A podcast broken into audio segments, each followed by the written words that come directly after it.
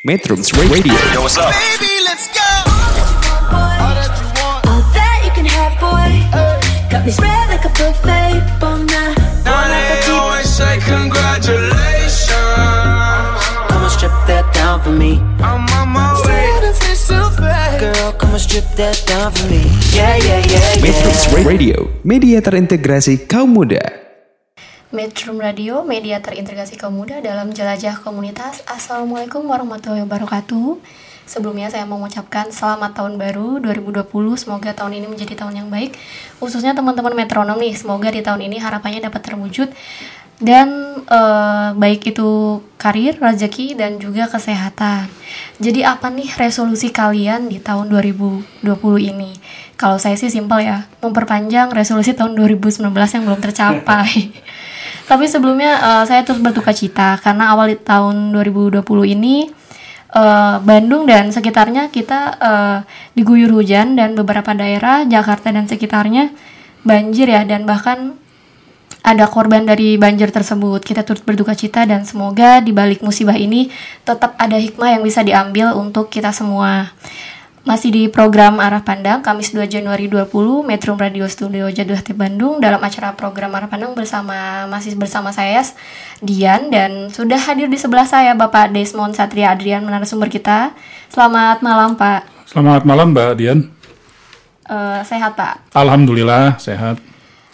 Semoga dari yang hujan-hujan kemarin tidak ada kendala Iya. apa pun ya Pak ya. Ya itu eh, apa ya eh, sesuatu yang eh, menjadi pelajaran bersama buat kita agar tetap membangun keseimbangan dengan alam ya. Iya betul. Sore ini kita akan ngobrol di awal tahun ya Iya. awal tahun 2020 eh, sesuai dengan nama acaranya arah pandang bincang ideologi dan politik internasional. Kita akan flashback sedikit ke belakang dan kemudian memperkirakan konstelasi apa yang akan akan muncul selama satu tahun ke depan. Kurang lebih seperti itu. Kurang lebih seperti itu. Dan Ini kita beri melepas 2019 Ya. ya, Pak ya. karena tidak mungkin kita bisa menatap 2020 tanpa melihat eh, apa 2019. 2019. Eh, kita juga ingin selain mengucapkan selamat tahun baru 2020, kita juga ingin mengucapkan dirgahayu kemerdekaan ya. Dirgahayu kemerdekaan buat Sudan 1 Januari 1956. Ini negara yang pertama merdeka setelah konferensi Asia Afrika di benua Afrika. Oh, Jadi dulu di benua Afrika hanya ada enam negara, 64 tahun silam pada saat konferensi Asia Afrika digelar. Sembilan bulan setelah itu, setelah bulan April 1955, tepatnya 1 Januari 1956, Sudan berhasil memproklamasikan kemerdekaan. 1 Januari 1956. Masih ada yang lain, ada Republik Ceko, ya, pecahan dari Cekoslovakia, itu merayakan kemerdekaannya tanggal 1 Januari juga 1 Januari. tahun sembilan- 1993. Eh, Haiti kalau pernah dengar Haiti dulu eh, negara di di di Amerika Tengah sana di kawasan Atlantik ini membebaskan diri dari Prancis tanggal 1 Januari juga. Tapi lebih tua ya tahun 1804. Dan yang terakhir ada Samoa tahun 1962 tanggal 1 Januari mereka juga memproklamasikan kemerdekaan. Tak lupa kita juga ingin menyampaikan apa ya harapan agar konflik di Yaman yang sudah berlangsung sekian tahun Agar segera berakhir ya karena ini eh, betul-betul tragedi kemanusiaan di Yaman. Iya. Dan eh, bagaimana dengan dengan dengan tahun 2020? Ternyata ini banyak mungkin di antara kita, terutama generasi milenial yang baru lahir tahun 2000-an misalnya, Iya, betul, Pak. eh, mungkin tidak sadar bahwa Indonesia sudah mempersiapkan era globalisasi yang kita bahas berkali-kali kemarin jauh-jauh hari. Bahkan ada salah satu pidato dari Presiden Soeharto, Presiden kedua Republik Indonesia, Dari Bapak Soeharto. iya, yang me- memberi arahan agar mem- bersiap diri menya- menyambut tahun 2020. Jadi Ini kan visioner. oleh Bapak Soeharto Iya. ya, Pak. Sudah ada misalnya eh, visi misi yang di Iya. pada saat itu kan konteksnya seingat saya gitu karena saya tahun sebelum reformasi terjadi itu saya sudah kuliah semester 1 kan gitu ingat sekali bahwa itu adalah rencana pembangunan jangka panjang tahap Ketahuan umurnya ya? ketahuan umurnya pasti saya generasi Y mungkin ya iya Y ya generasi Y itu eh, apa eh, konteksnya adalah pada saat itu adalah pembangunan jangka panjang tahap ke satu mau masuk ke tahap kedua 25 ta 25 tahun jangka panjang tahap pertama dan akan masuk ke 25 tahun jangka panjang tahap kedua. Kedua. Dan ini yang disebut oleh Presiden Soeharto pada saat itu, globalisasi itu sesuatu yang tidak terelakkan dan kita harus mempersiapkan itu. Eh, salah satu yang beliau tekankan pada saat itu adalah kepada generasi muda agar mempersiapkan diri untuk menghadapi globalisasi dengan cara mencintai produk-produk dalam negeri. Produk dalam negeri. Oke. Ini Kita dengarkan ya. Ya oke Pak siap. Eh, sebelumnya ini teman-teman harus udah stay ya buat dengerin pidato Bapak Soeharto khususnya eh, milenial ya Pak Iya. ya wajib dengarkan dan Itu memang 25 tahun silam loh. Hampir 25 tahun yang lalu pidato itu disampaikan oleh beliau. Dan relevansinya terbukti sekarang. dan terbukti. Jadi eh, silahkan didengarkan dan didengar dengan seksama dan di ini apa ya apa sih pesan-pesan yang Iya, disampaikan? diperhatikan pesannya apa.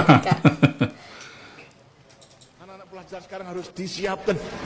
Disiapkan benar-benar untuk mencintai tanah air, untuk mencintai produk dalam negeri. Maka para remaja yang sekarang nanti akan hidup tahun 2020 akan menjadi benteng untuk mempertahankan daripada kelangsungan hidup negara dan bangsa. Ya kalau daripada para pemuda nanti kesengsem kepada produk yang murah baik, tapi hasil di luar negeri hancur daripada bangsanya. Apa? Produknya tidak ada yang membeli. Kalau yang membeli, pabriknya tutup. Lantas semua tidak bisa bekerja, tidak bisa makan. Lah itu. Jadi daripada semua pendidikan, lebih-lebih juga daripada perguruan tinggi, harus mampu mempersiapkan. Bukan kita curang, tidak. Tapi kita menyelamatkan negara. Kita sekarang harus meningkatkan daya saing kita yang tinggi. Dan pasti kita dapat. Kita yakin. Tapi andai kata tidak senjatanya adalah mulai sekarang adalah nasionalisme. Mencintai pada produk dalam negeri harus mulai sekarang.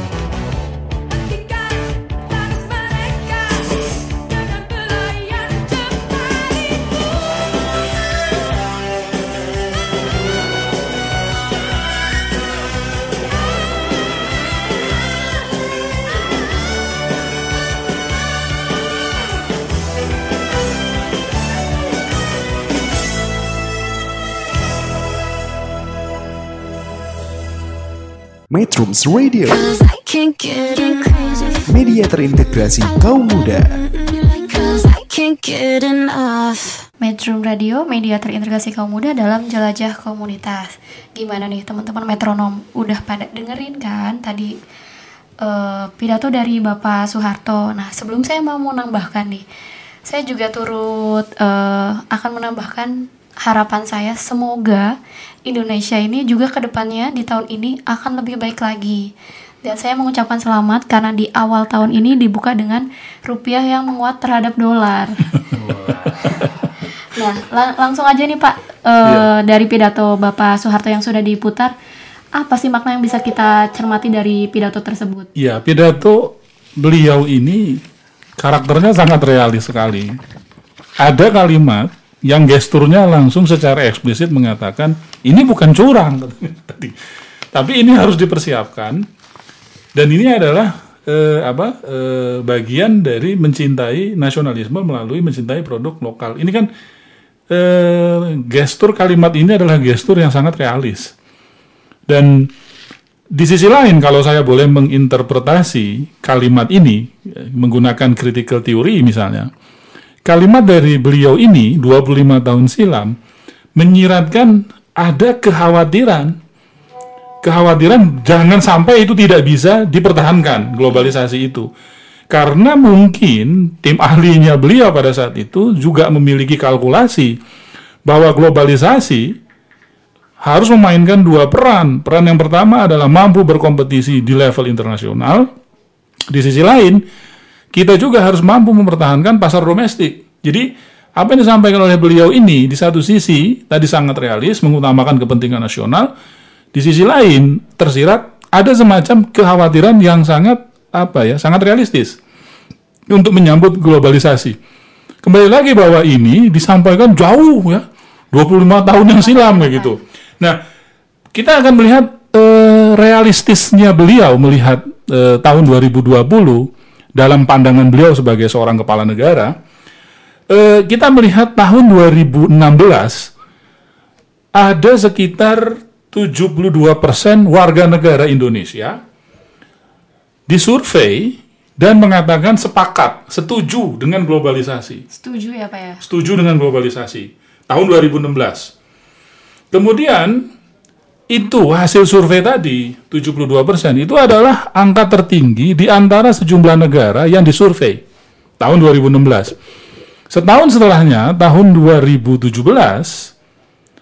ada survei baru yang dilakukan oleh eh, Australia kalau tidak salah pada saat itu menemukan bahwa 53% warga negara Indonesia setuju dengan perjanjian perdagangan internasional.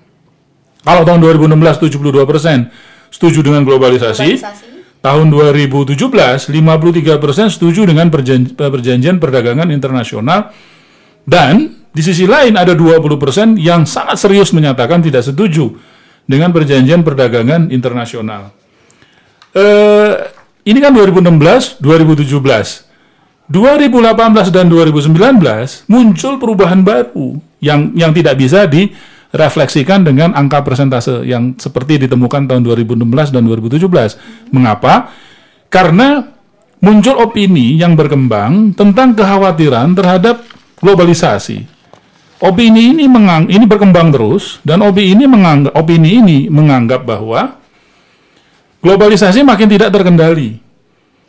Dalam pandangan mereka ini, globalisasi yang tidak terkendali itu eh, berdampak kurang baik terhadap perusahaan-perusahaan domestik dan menyebabkan juga ketergantungan akan kemandirian di bidang ekonomi.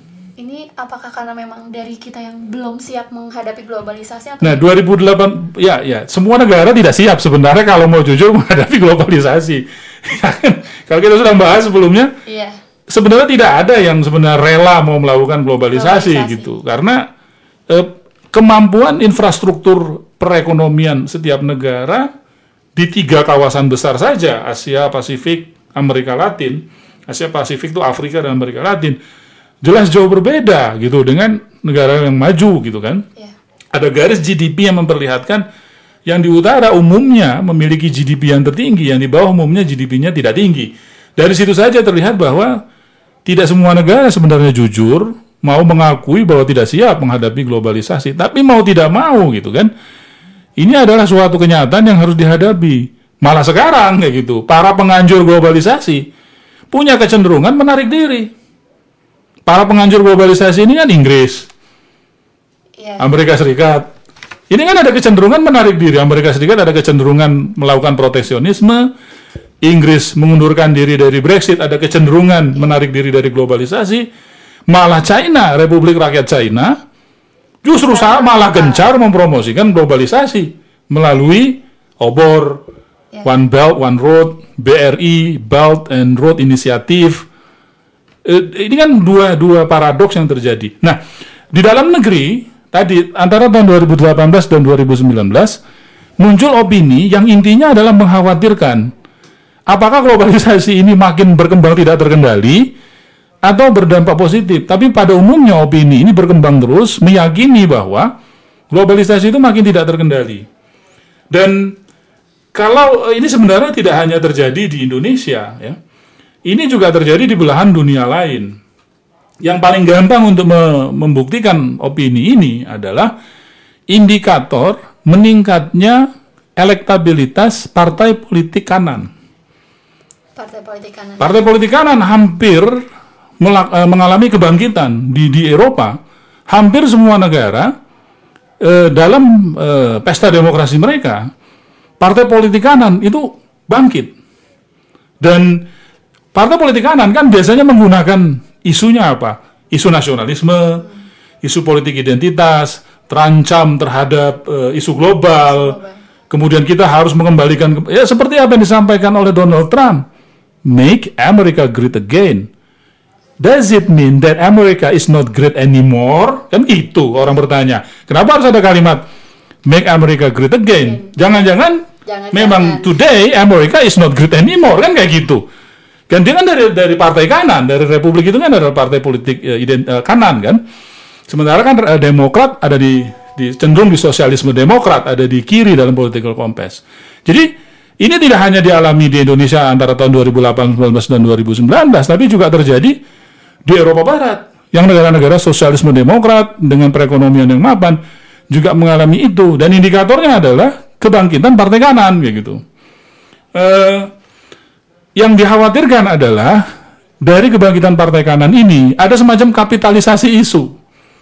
Jadi isu-isu yang dianggap merugikan kepentingan nasional dikapitalisasi, digembar-gemborkan, dijargonkan kayak gitu untuk tujuan ya satu-satunya ya elektabilitas. Elektabilitas. Ciri-cirinya adalah eh, tahun 2018 dan 2019 ini itu isu-isu politik eh, identitas dan isu-isu tentang kepentingan nasional dilebay-lebaykan kayak gitu ya. Itu bisa kita lihat seperti ini. Eh, misalnya produk lokal menjadi kurang diminati. Mengapa? Karena masuknya produk impor. Iya, itu sudah sering didengar, Pak. Nah itu kan selalu digoreng terus kan, digoreng terus. Saya bilang digoreng karena dikapitalisasi dalam dalam eh, dalam isu politik kanan ini demi tujuan elektabilitas semata kan. Dan ini terjadi 2018 dan 2019. Kita kan juga baru mengalami itu dan sudah berakhir kan kemarin. Terus ciri-ciri yang lain adalah ada jargon yang terus di di apa digoreng, di, di- dikembangkan terus demikian rupa. Stabilitas keuangan nasional goyah. Mengapa? Karena banyak dana tersedot ke luar negeri. Iya. Salah satunya kan ada provider film yang sekarang ini yang banyak ditonton lah kayak gitu ya. Itu nggak bayar pajak sekian miliar itu masuk ke Belanda langsung. Jelas banyak yang mencurigai sekarang apakah startup startup itu yang sudah ada yang levelnya unicorn, ada levelnya apa, itu kan tidak didaftarkan di Indonesia katanya banyak yang mencurigai ini. Ini kan uangnya lari ke luar negeri ya, gitu. Katanya ada yang terakhir, saya tidak mau eh, bergosip di sini ya, tapi ini kan menjadi isu yang terus ya, Eh, akhirnya membuat kita eh, apa bingung ini bener apa enggak gitu kan. Tapi memang dikhawatirkan banyak lari ke luar negeri kayak gitu. Terus apalagi ciri yang lain? Ciri yang lain adalah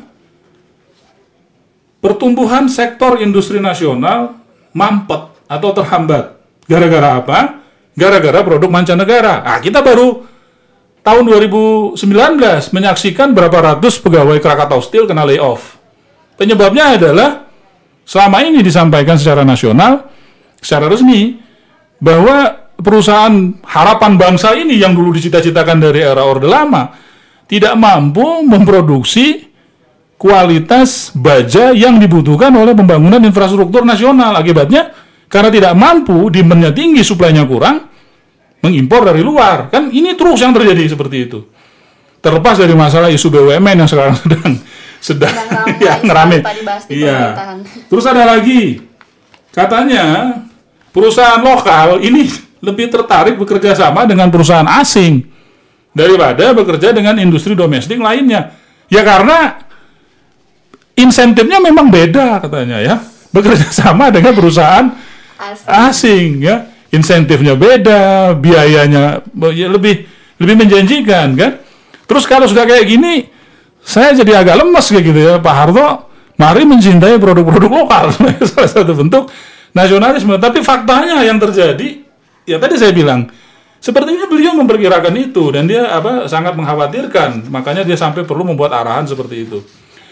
Ciri-ciri yang lain yang terjadi 2018 sampai 2019 ini, dilema globalisasi itu muncul adalah produk dalam negeri.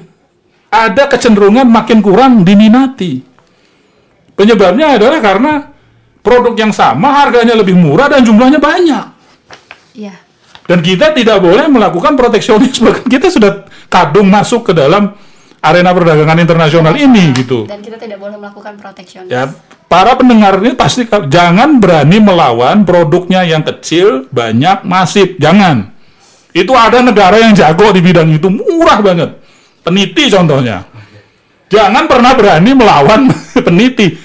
Peniti loh, ini saya bilang yang sangat konkret ya dengan kehidupan milenial. Pakai jilbab kan pakai peniti. Iya, betul. Ya kan gitu? Peniti itu nggak ada buatan Indonesia. Pokoknya jangan berani melawan produk-produk yang kecil tapi banyak. Wah, itu kita kalah umumnya ya. Mereka harganya murah. Nggak tahu kenapa bisa murah, kan kayak gitu. Iya. Kalau mau mempertahankan produk dalam negeri harganya lebih mahal. Hari kembali lagi kepada individunya ya. Iya. Pada individunya. Terus ada yang bilang, juga punten Pak, mungkin jadi dilema juga ya. Kita juga sebenarnya pengen mendukung perekonomian eh, negara kita, tapi Iya. kembali lagi, istilahnya ekonomi perekonomian kita sendiri memang disesuaikan dengan keadaan kayak misalkan kita ada yang murah tapi bagus, pasti kita akan lebih iya dong. yang murah. Iya, kan ada kan kita mencintai liberalisasi di situ. Iya. ya, jadi dilema kita pengen membangkitkan nasionalisme kita, kita mencintai produk produk dalam negeri, tapi memang istilahnya ya ada sesuatu yang lebih murah dan lebih menguntungkan Iya, iya, untuk kenapa enggak? individu. Kenapa enggak? Kan gitu. Jadi memang tantangannya ke produk domestik kalau ingin bersaing di situ ya dia harus mampu kompetitif kan. Kalau nggak kompetitif nggak dipilih. Terus yang paling sering sekarang adalah isu tentang perusahaan multinasional yang menjadi kompetitor nggak sebanding. Nggak sebanding dengan siapa? Nggak sebanding dengan perusahaan dalam negeri. Ya kan banyak sekali perusahaan dari luar negeri, misalnya pengeboran minyak, ah banyak lah ya, gitu. sudah tahu isu kayak gini. Cuma saya hanya mengatakan bahwa isu ini yang sering muncul di dalam dilema globalisasi. Jadi Presiden Soeharto terlepas dari masalah kontroversi beliau kayak gitu. Dalam hal ini saya respect, visioner dia. Iya. 2020 ngomongnya 25 tahun yang lalu kan. Hari ini kita sedang menjalani apa yang sudah dibaca oleh para pemimpin bangsa ini 25 tahun yang lalu kayak gitu. Nah, yang paling akhir adalah semua ini ujungnya adalah kesenjangan sosial. Kesenjangan sosial. Ini kan ujungnya semuanya ke kesenjangan sosial. Kesenjangan sosial ini akhirnya menjadi apa ya tempat yang subur dianggap sebagai humus untuk tumbuhnya isu politik identitas. Identitas. Itu sebenarnya sangat sensitif sekali ya Pak, politik identitas itu. Iya. Jadi Dan kalau dari- ada peneliti LIPI Mbak Dian eh, yang mengatakan baru-baru ini loh ya hasil risetnya itu dia sebenarnya meragukan tentang isu radikalisme. Saya saya nggak nyebut namanya, boleh lah cari online ya. Ya, tapi sudah sudah diberitakan banyak kok. Masalah utamanya itu adalah kesenjangan sosial kan. itu peneliti loh dari LIPI silakan dibantah kan gitu. Iya. Jadi radikalisme itu dia sangat meragukan apakah itu semu atau fakta atau realita katanya. Karena masalah yang sebenarnya adalah masalah kesenjangan sosial yang dipicu oleh dilema globalisasi tadi. Nah, dalam kesenjangan sosial itu kan kita melihat hal-hal yang ketimpang ya. Misalnya penyelundupan barang ke pasar domestik. Ini dulu kan ada black market dari Batam, Iya, jumlahnya banyak banyak masuk kemari kayak gitu. Nggak di level bawah, nggak di level atas. Kemarin ada motor dipreteli, naik ke pesawat, ketahuan kan kayak gitu. Penyelundupan barang di pasar gelap. Kemudian perkembangan akibatnya ujungnya kan per- perkembangan sektor industri di dalam negeri terhambat. Ini kan semuanya bermuara ke penyerapan tenaga kerja, pengangguran, pajak yang diterima oleh pemerintah. Dan jangan lupa adalah efek netes ke bawah. Efek netes ke bawah ini kan efek trickle down kayak gitu. Supaya pembangunan itu jangan muter-muter di kelas menengah saja. Ini kan sekarang kita disebut eh, income apa middle income trap ya. Eh, Presiden Indonesia baru-baru ini mengatakan kita berharap bahwa apa yang dilakukan tahun 2020 ini akan melepaskan Indonesia ini periode ke beliau yang kedua melepaskan dari middle income trap. Tapi ya kembali lagi ini kita bicara 2020 ya 2020 ini kita sedang menghadapi yang namanya era eh, dilema, Dilema globalisasi. Kita pertumbu eh, baru-baru ini kan BPS Biro Pusat Statistik mengeluarkan hasil melansir hasil eh, apa eh, eh, riset mereka bahwa pertumbuhan melambat tapi tidak turun katanya. Tetap di atas angka 3% Indonesia. Tapi, Tapi ini tidak turun ya, tidak stabil. tidak tetap stabil tapi melambat katanya seperti itu. Jadi itu mungkin di sesi ini Oke Pak, Eh, ini memang cukup panas juga ya Pak ya. Padahal kita masih baru mendengarkan pidato itu dan ternyata memang maknanya sangat dalam. Kita akan eh, bahas lebih lanjut lagi tetap di Metro Radio, media terintegrasi kaum muda dalam jelajah komunitas. Metrums Radio, media terintegrasi kaum muda.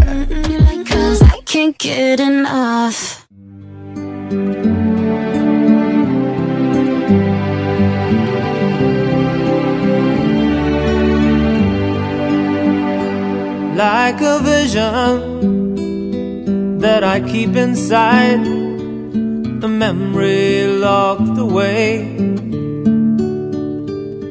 No borderlines, no enemies, no religion to betray. And I have felt the change, and it hurts me too, that no distance can deny.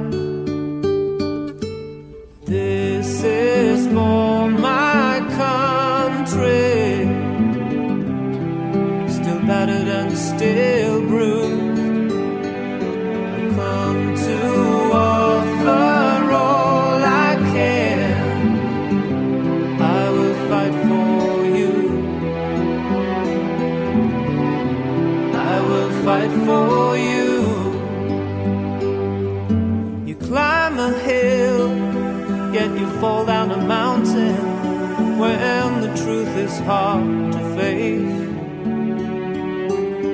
And I envy you, so proud and strong. Still, your people you embrace, and I am part of that. What you've given me, I have come to give it back. acontecer.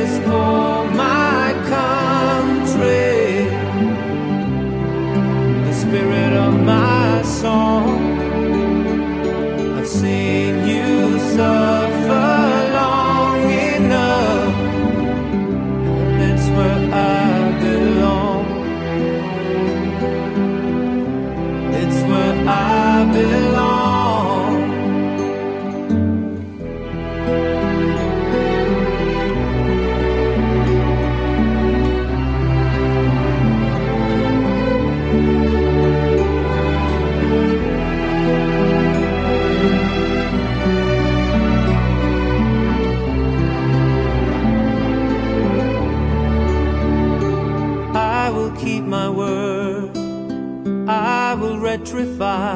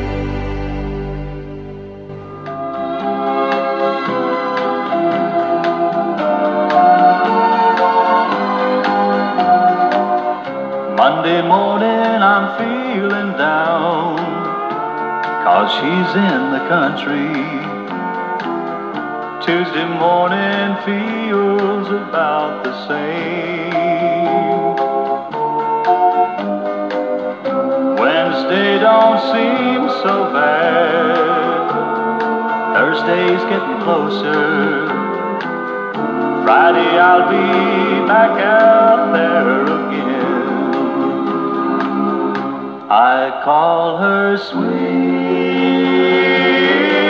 country woman. She's the one that keeps me going when the times get bad. I call her sweet country woman. How she gives the sweetest loving I've ever had.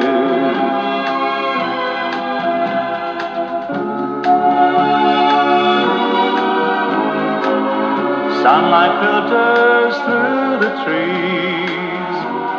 She'll lay beside me when I leave the city far behind. Walking in the misty morn, watch a new day being born, and feeling her body close to mine. I call her sweet country woman.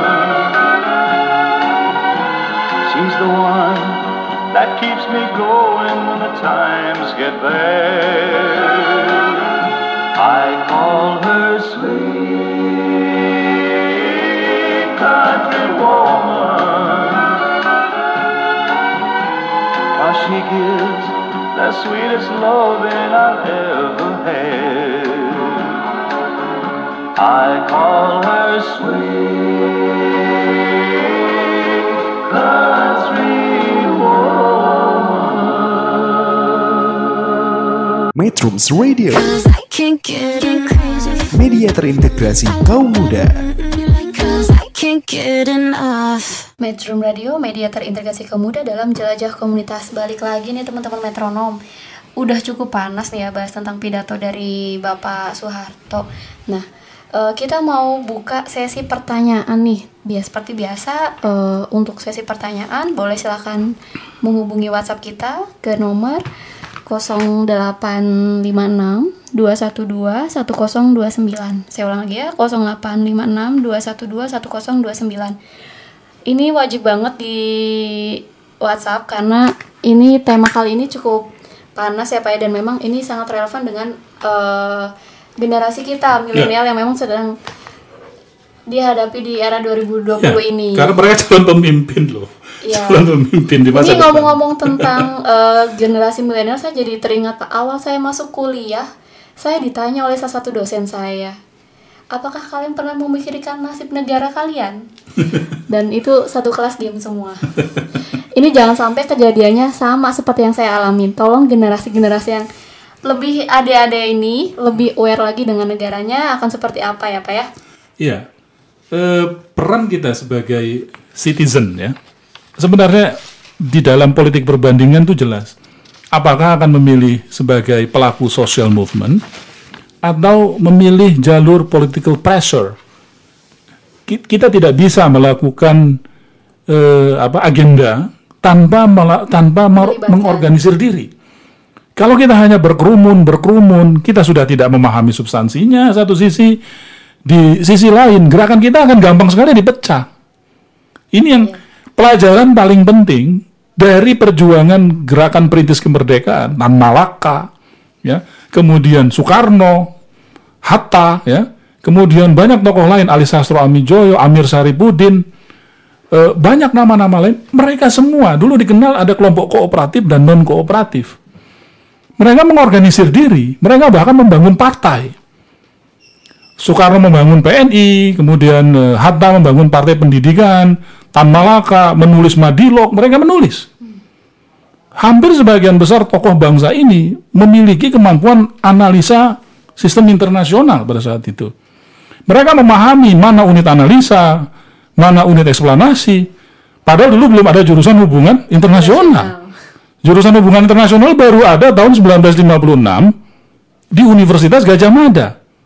Setelah Indonesia menjadi tuan rumah konferensi Asia Afrika yang merubah tata kelola dunia, kan gitu. Nah, eh, apa hubungannya dengan obrolan kita hari ini? Ada sesuatu yang berdampak besar dari peristiwa di Indonesia 64 tahun silam, yaitu muncul konsep kerjasama selatan-selatan, dan ini dalam obrolan kita tadi tentang eh, da- apa, eh, analisa terhadap pidato Presiden Soeharto, tadi kita fokus kepada ada dilema globalisasi, tapi di sisi lain, nah ini adalah sisi yang memberi harapan. Apa yang memberi harapan ini? Kita nggak akan sampai pada titik ini kalau kita tidak mau menggunakan kemampuan analisa sistem internasional untuk mengamati perubahan-perubahan fenomena ini. Karena ini sangat sangat memberi harapan kepada kita.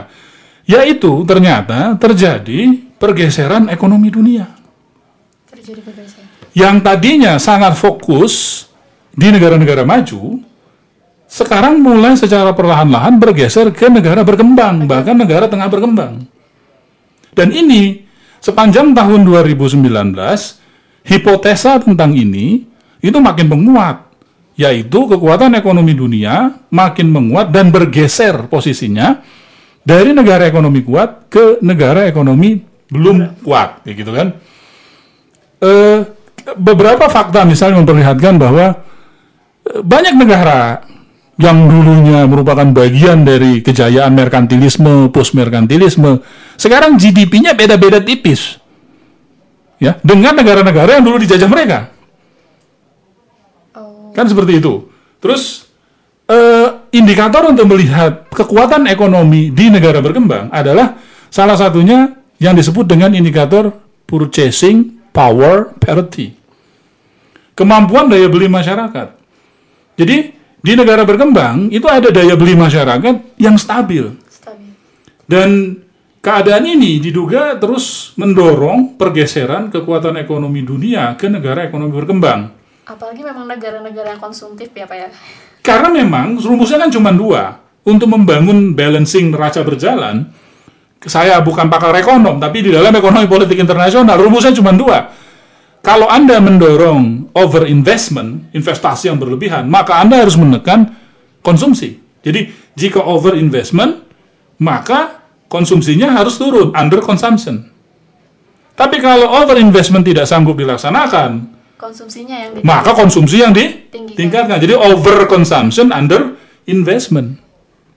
Nah ini yang yang, dimainkan terus neraca ini dan kita khususnya Indonesia di antara negara-negara berkembang ini penduduknya kan 230 juta sekian Iya. punya daya beli yang stabil.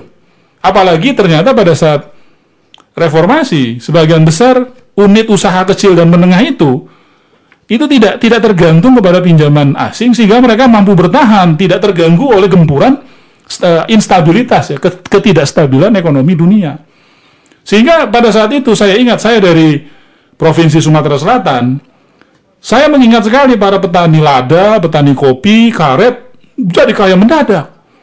Karena apa? Karena per- perbedaan kurs dolar dan rupiah pada saat itu menyebabkan eh, apa ya ekspor mereka, produk mereka menjadi sangat kaya sekali. Padahal pada saat itu ada cerita kendaraan yang membawa motor dari Pulau Jawa belum sampai ke dealer itu sudah dibeli di tengah jalan dan ditukar dengan apa? Satu karung lada.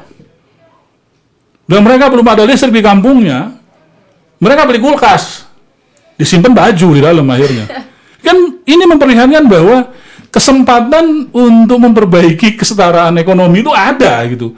Cuman kan ada ada ruang hambuk, ada ruang permainan yang tidak ruang hampa kan. Yang ada sudah ada aturan main dari zaman dahulu.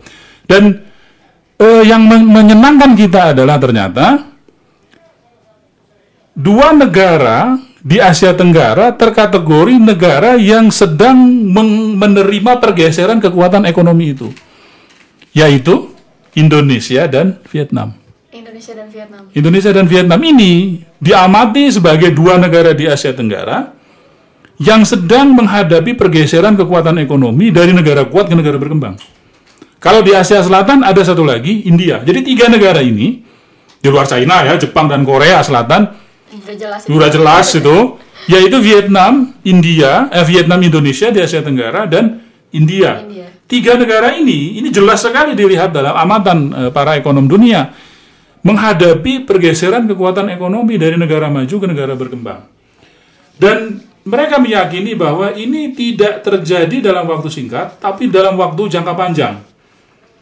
Dan keadaan ini diperkirakan akan berlanjut hingga 30 tahun ke depan. Dan ini sesuai dengan RPJMN Indonesia kan.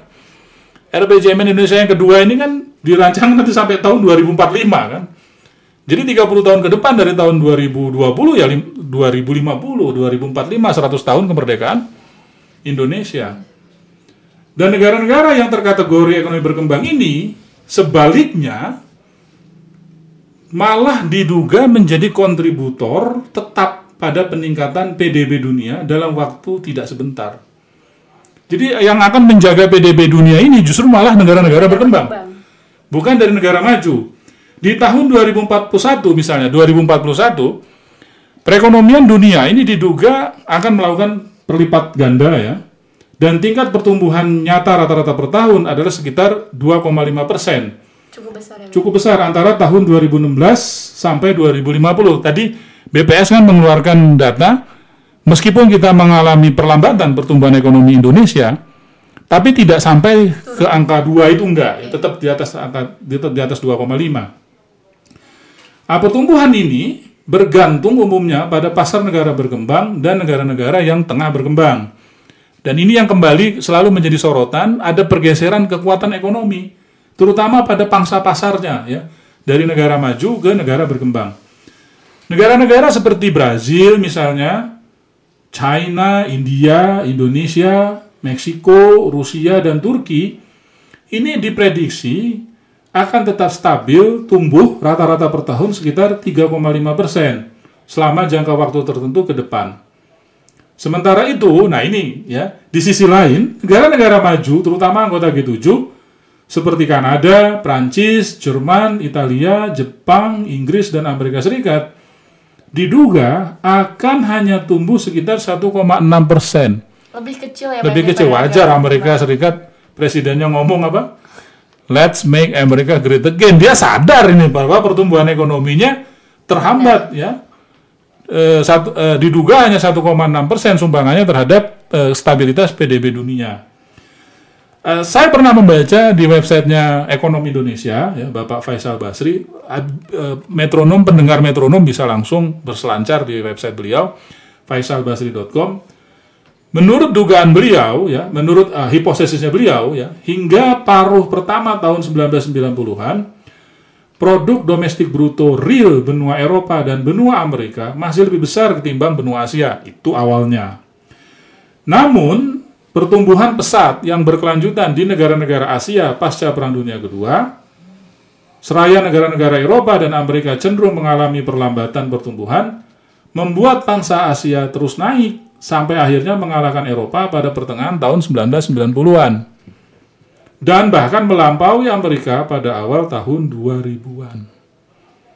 Kekuatan Asia, menurut Bapak Faisal Basri, telah jauh melampaui kekuatan ekonomi Eropa maupun Amerika.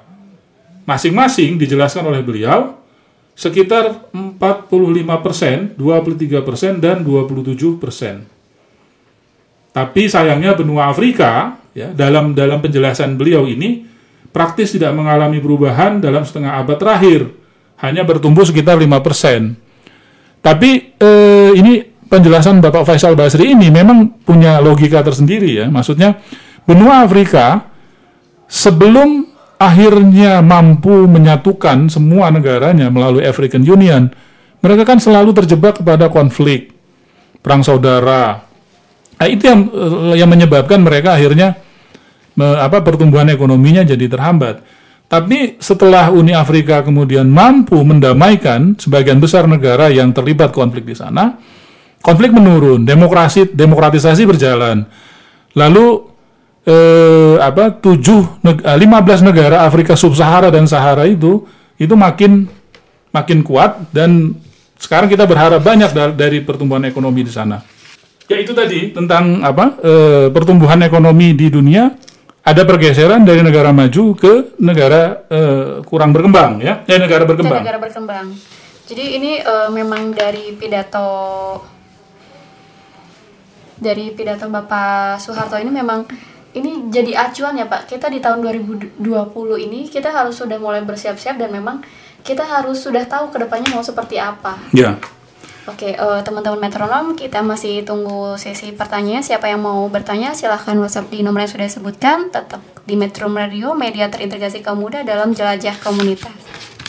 Metrums Radio, Cause I can't get crazy. media terintegrasi kaum muda.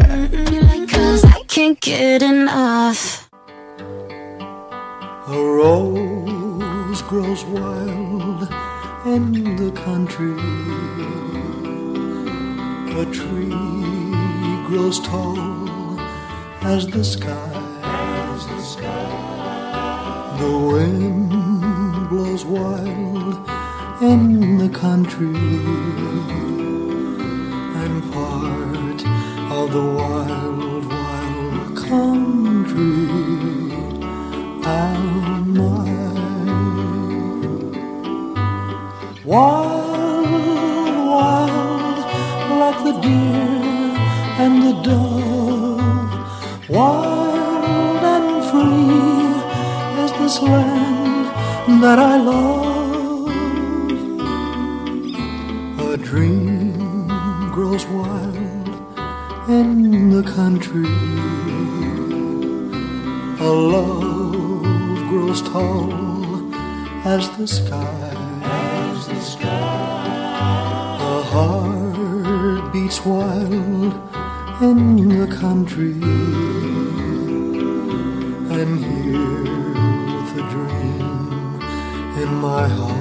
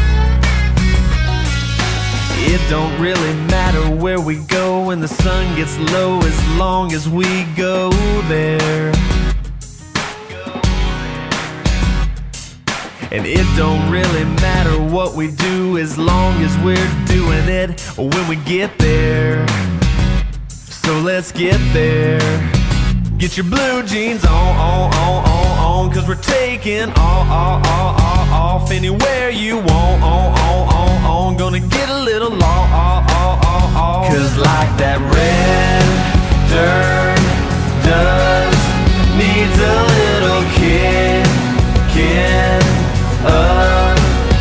Just like that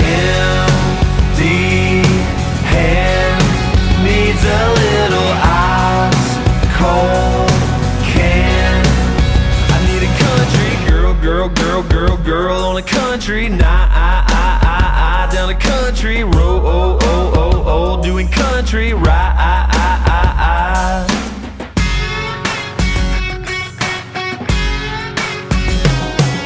It don't really matter what the radio is playing as long as it's playing loud.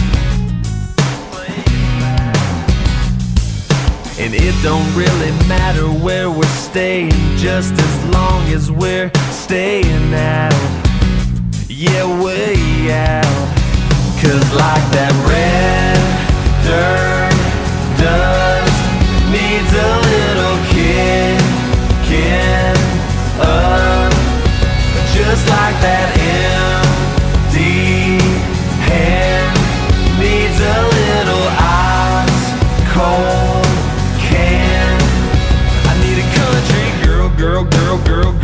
country, nah, I, I, I, I, down a country road, oh, oh, oh, oh, doing country right, alright.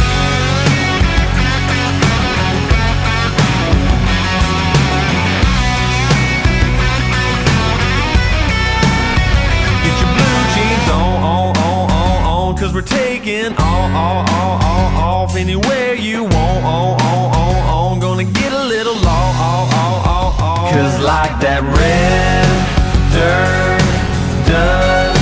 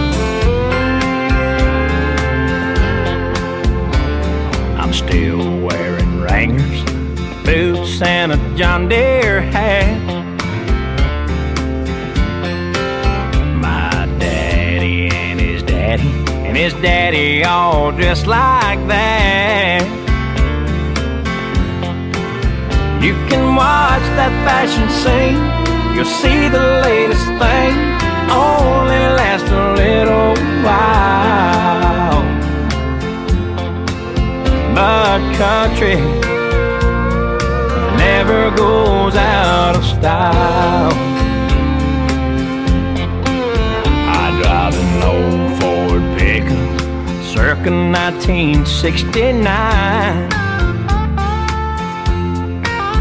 When Papa passed away, Mama told me it was mine. I tuned up that engine, rebuilt that old transmission, ain't never touched that radio dial. Cause country never goes out of style.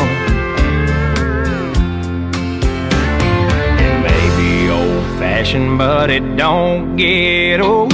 Life's a little smoother down the gravel road. Let the whole world keep on changing. We'll all just be a hanging outside of town a couple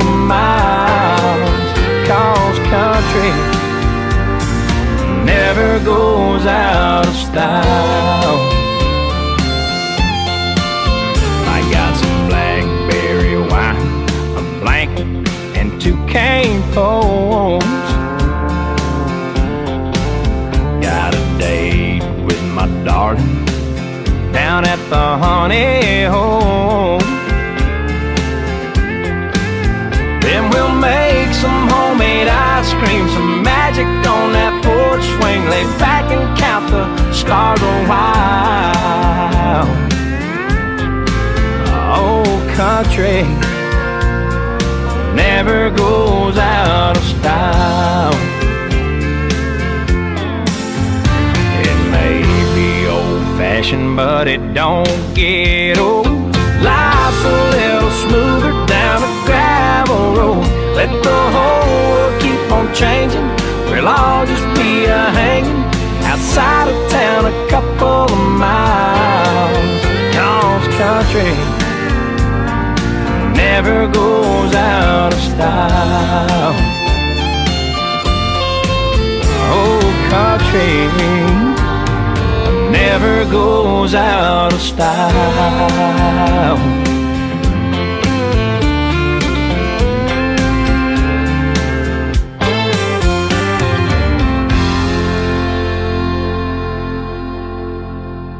Metrums Radio, media terintegrasi kaum muda. Metro Radio, media terintegrasi kaum muda dalam jelajah komunitas. Balik lagi nih kita masuk di sesi terakhir untuk program Arah Pandang malam ini. Dan kita ada pertanyaan yang masuk nih Pak. Dari Rizal di Buah Batu. Pertanyaannya adalah bagaimana dengan kekuatan produk UMKM di Indonesia sejauh ini mengingat dulu produk UMKM Indonesia ini mampu menyelamatkan Indonesia dari krisis ekonomi nih Pak. Dan bagaimana persaingan dagang Amerika dan China menurut Bapak di 2020 nanti? Ya, Eh, yang pertama sebenarnya tadi sudah ada sedikit disinggung tentang kemampuan industri lokal yang tidak terlalu banyak bergantung kepada infrastruktur asing. Dan sekarang kalau ditanya bagaimana kekuatannya, ya ini yang menyebabkan Indonesia memiliki yang dikenal negara dengan purchasing power parity yang kuat. Karena ketika eh, apa eh, over investment tidak sesuai harapan, maka yang kemudian didorong adalah over consumption. Dan over consumption ini kan tadi ada kalimat ada ada satu ya, apa eh, yang jangan sampai terlalu banyak uang dibawa ke luar negeri. Maka lebih baik akan dikonsumsi sendiri oleh dalam negeri. Nah, salah satu aktor yang paling berpengaruh di sini yang barusan tadi disebut itu. Nah, ini yang harusnya terus dijaga daya beli masyarakat ini. Inovasinya harus didukung, kemasannya harus didukung, kayak gitu. Kita jangan dulu ngomong mau bersaing di level global ya. Bukan masalah pesimis. Kan sudah tahu bahwa di, di level global ini banyak sekali aturan main yang tidak berpihak kepada negara berkembang kan gitu. Walaupun banyak juga yang akhirnya bisa tembus keluar ya. Seperti ada salah satu daerah dari mana saya lupa ya. Itu pergi ke Singapura sudah kayak nggak pakai paspor aja. Dan mereka karena hampir setiap hari mereka terbang ke Singapura. Karena mereka adalah para pelaku UMKM gitu. Nah, tapi maksudnya begini, eh, keberpihakan kita eh, sebagai pembeli gitu, sebagai konsumen, keberpihakan pemerintah, semua stakeholder harus berpihak kepada mereka ini gitu. Jadi mereka sudah terbukti dan memiliki produk yang bersaing. Kemudian yang kedua, bagaimana eh, perang dagang antara Amerika Serikat dan China di tahun 2020? Yang paling be- besar eh, faktor determinannya adalah sebenarnya pemilu nanti di Amerika Serikat. Ini akan berlanjut. Ini, ini masih jadi eh, isu yang cukup hangat dibicarakan juga ya Pak ya? Iya. Karena kalau posisi eh, Xi Jinping kemarin di dalam ucapan selamat tahun barunya, eh, dia mengatakan bahwa target tahun 2020 untuk pemerintah China adalah yang saya saya saya ingat dalam pidato beliau itu semua menuju kepada eh, inward looking ke dalam negeri, mengurangi kemiskinan, membangun rumah untuk mereka yang tidak memiliki rumah, menciptakan lapangan pekerjaan, kemudian eh, apa? Yang keempat itu eh, menaikkan harapan ang- apa harapan kesejahteraan masyarakat. Semua yang disampaikan eh, eh, hal hal yang inward looking akan sangat eh, paradoks kalau dibandingkan dengan eh, apa eh, Donald Trump gitu. Jadi kita eh, menurut saya 2020 ini melihat kan dia ini eh, sebentar lagi akan menghadapi pemilu yang kedua gitu. Kalau dia lanjut, misalnya dia memenangkan pemilu yang kedua ini, maka isu ini akan berlanjut. Tapi seperti yang pernah saya sampaikan, di banyak sektor yang lain antara Amerika Serikat dan China itu sebenarnya inkooperatif. Iya, tet- tetap bekerja sama kayak gitu. Cuman hanya di satu, uh, dua atau tiga, terutama di bidang teknik, saja ya. no, teknologi informasi yang yang apa, yang menjadikan eh, memicu persaingan apa per- perang dagang ini dengan menaikkan tarif dan lain-lain. Jadi harapannya sebenarnya banyak pihak mengatakan finally they will shake hand each other. Nah kan salaman kok akhirnya. Oke, itu eh, untuk Rizal. Semoga eh, jawabannya puas ya untuk pertanyaannya ini. Eh, mungkin eh, kita langsung tutup aja Pak Ya. untuk kesimpulan Ya, dari eh. pembahasan kita malam ini mengenai dari pidato Bapak Soeharto yang jadi acuan kita ya Pak. Ya. Kita kaum muda harus lebih perhatian lagi terhadap negara kita. Kita turut andil dalam membangun sebuah negara kita yang akan kita turut berpartisipasi dan turut menentukan ya Pak ya. Melalui Melalui mencintai produk mencintai produk dalam negeri. produk dalam negeri. Jadi eh, memang ya kembali lagi kepada ini eh, pidato beliau Presiden RI kedua memprediksikan tahun 2020 dan saat ini kita berada di tahun 2020 itu. Pertumbuhan ekonomi negara berkembang dalam pidatonya ini khususnya Indonesia memang perlu ditopang oleh pasar dalam negeri yang baik dan stabil. Salah satunya tadi UMKM. Seperti yang disampaikan dalam pidato beliau sekali lagi bahwa salah satu strategi menghadapi globalisasi adalah dengan memperkuat pasar dalam negeri dengan cara mencintai produk-produk dalam, Dalam negeri. negeri. Strategi ini eh, kalau dilihat eh, secara makro dan mikro ini tidak lepas dari kesadaran bahwa Indonesia menjadi salah satu negara berkembang yang merupakan incaran negara maju sebagai tujuan pasar yang menjanjikan bagi produk mereka. Mengapa? Karena kita memiliki daya beli yang stabil. Oke. Eh, nggak kerasa nih Pak, kita sudah satu jam dan kita harus pamit undur diri. Eh, mungkin ada sepatah dua kata yang mau disampaikan dari Bapak untuk doa dan harapan kita di tahun 2020 ini seperti apa? Jaga terus persatuan Indonesia untuk mewujudkan keadilan sosial dan menangkan Pancasila.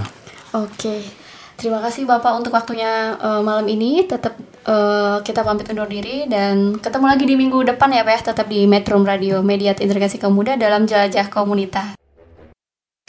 Metrums Radio Yo, what's up? All that you can have, boy. Got me spread like a buffet. Bon now. Now they always say congratulations. Come on, strip that down for me. I'm on my way. Girl, come on, strip that down for me. Yeah, yeah, yeah, yeah. Metrums Radio Media terintegrasi kaum muda